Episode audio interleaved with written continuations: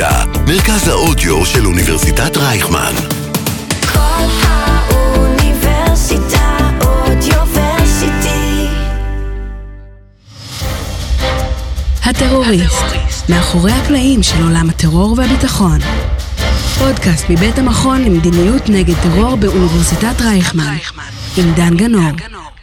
טוב, שלום לכולם, שוב ברוכים הבאים לכנס המיוחד שלנו אה, כאן במכון למדיניות נגד טרור והמכון לחירות ואחריות באוניברסיטת רייכמן.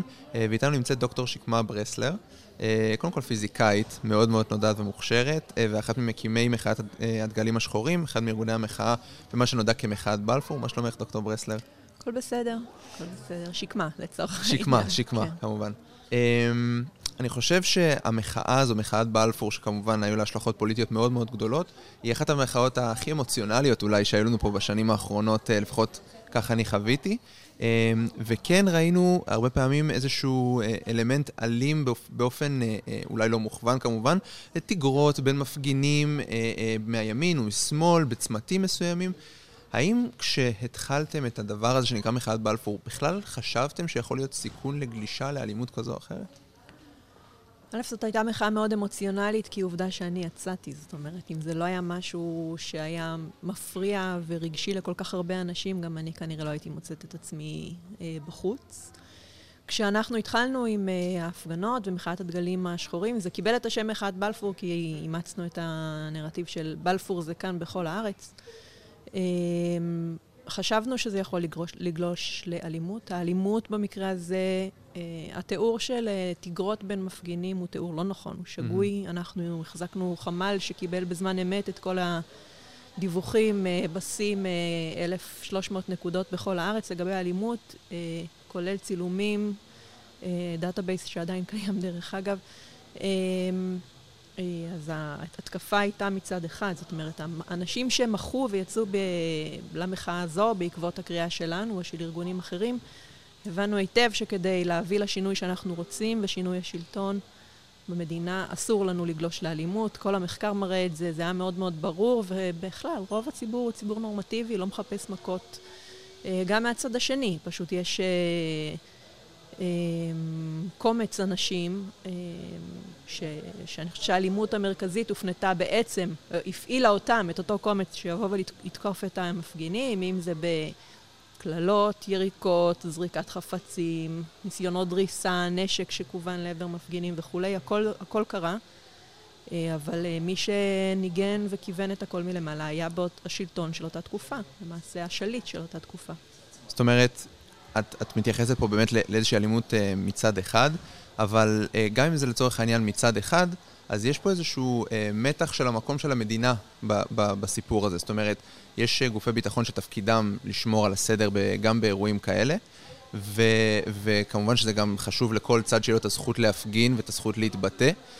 והשאלה שלי, האם אין פה איזשהו מתח כזה, שהמדינה אולי רוצה אה, אה, לעצור איזושהי פעילות, פעילות אלימה מצד אחד, אבל היא לא רוצה לפגוע בחופש ההפגנה.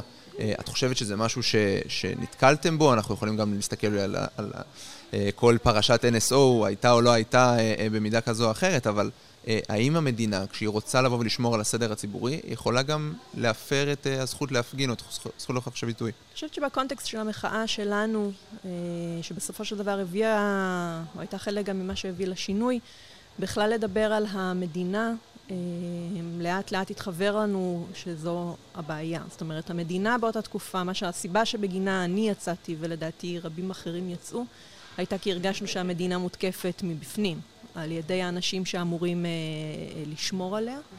אה, שומרי הסף הם אלה שהות, שהותקפו, ואני חושבת שבתוך כדי אנחנו הבנו יותר ויותר שבעצם אנחנו לא יכולים לסמוך על הגופים של השלטון, כי הם פועלים מתוך uh, חוק, או על פי חוק שחוקק על ידי מחוקק שלא העלה את הסיטואציה uh, שהייתה בשעתו בכלל בדעתו. ולכן uh, לדבר ברמה של הגופים שאמורים לשמור, אם המשטרה אמורה לשמור על מפגינים, וזו משטרה שכבר שנתיים אין לה מפכ"ל ויש שם ניסי... ברור שמי שיצליח לרצות את השלטון הוא זה שיזכה במפכ"לות, אז השפה שאנחנו מנסים בכלל לנתח אותה, תבין שאם המושגים שבהם אתה מדבר איתי היו עובדים, אנשים כמוני לא היו יוצאים להפגין. אנחנו יצאנו בדיוק מתוך ההבנה שהכל אה, נמצא בסכנה ואין לנו, אי אפשר לסמוך על כלום, כי הכל אה, שלטון לא, לא, או, או מדינה אה, וחקיקה לא נעשית מתוך מחשבה שמי שאמור להגן על המדינה ולשמר את חקיקה הוא זה שינסה להחריב אותה, וזו הסיטואציה שהיינו בה, ולכן זו אנומליה כל כך... אה, בדיוק, זאת אומרת. את אומרת, המצב היה הפוך בדרך כלל למה שאנחנו, כאילו, מה,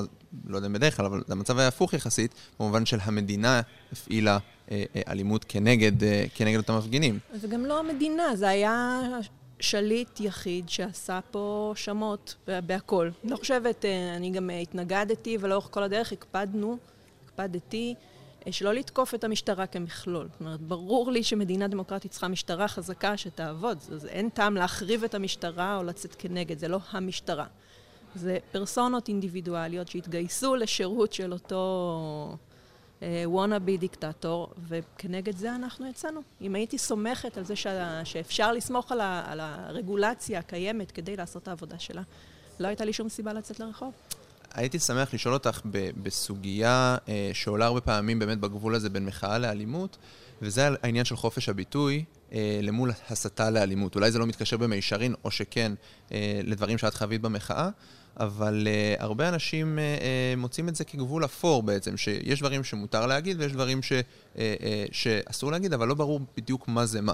לצורך העניין, ברור שלהגיד לך תפגע באדם מסוים זו הסתה לאלימות, אבל יש דברים שאפשר לדבר רחב, הימנים הם כאלה והשמאלנים הם כאלה, ובעצם ליצור איזושהי אווירה שמכשירה את הקרקע. אז קודם כל, רציתי לשאול איך את רואה את זה במובן הזה, האם בעיניך יש גבול ברור בין מה שמותר להגיד ומה שאסור להגיד? אני חושבת ש... שוב, גם, זה לא ימין ושמאל במה שהיה במחאה הזו, אז את ה- תומכי, אפילו תומכי נתניהו ומתנגדי נתניהו. זה תומכי שלטון החוק ושלטון דמוקרטי, לעומת מי שבא להחריב אותו מבפנים לטובות, אה, לצרכים אישיים אה, לחלוטין. אני חושבת שצריך להכניס לפרמטרים שאתה דן ביניהם גם מי אומר. מי אומר ומה אומר. אני חושבת שלי מאוד ברור. אה, אני את החיים שלי לא מנהלת בגלל חוק, אני מנהלת בגלל ערכים שהם אה, מוסר וערכים. אני לא... אז, אז אני לא צריכה שיגידו לי, שהחוק יגיד לא לרצוח בשביל לא לרצוח. אה, ולכן אני חושבת שיש דברים שאסור להגיד. יש, אני חושבת שעל אחת כמה וכמה נציגי ציבור צריכים לדעת מה אסור להגיד.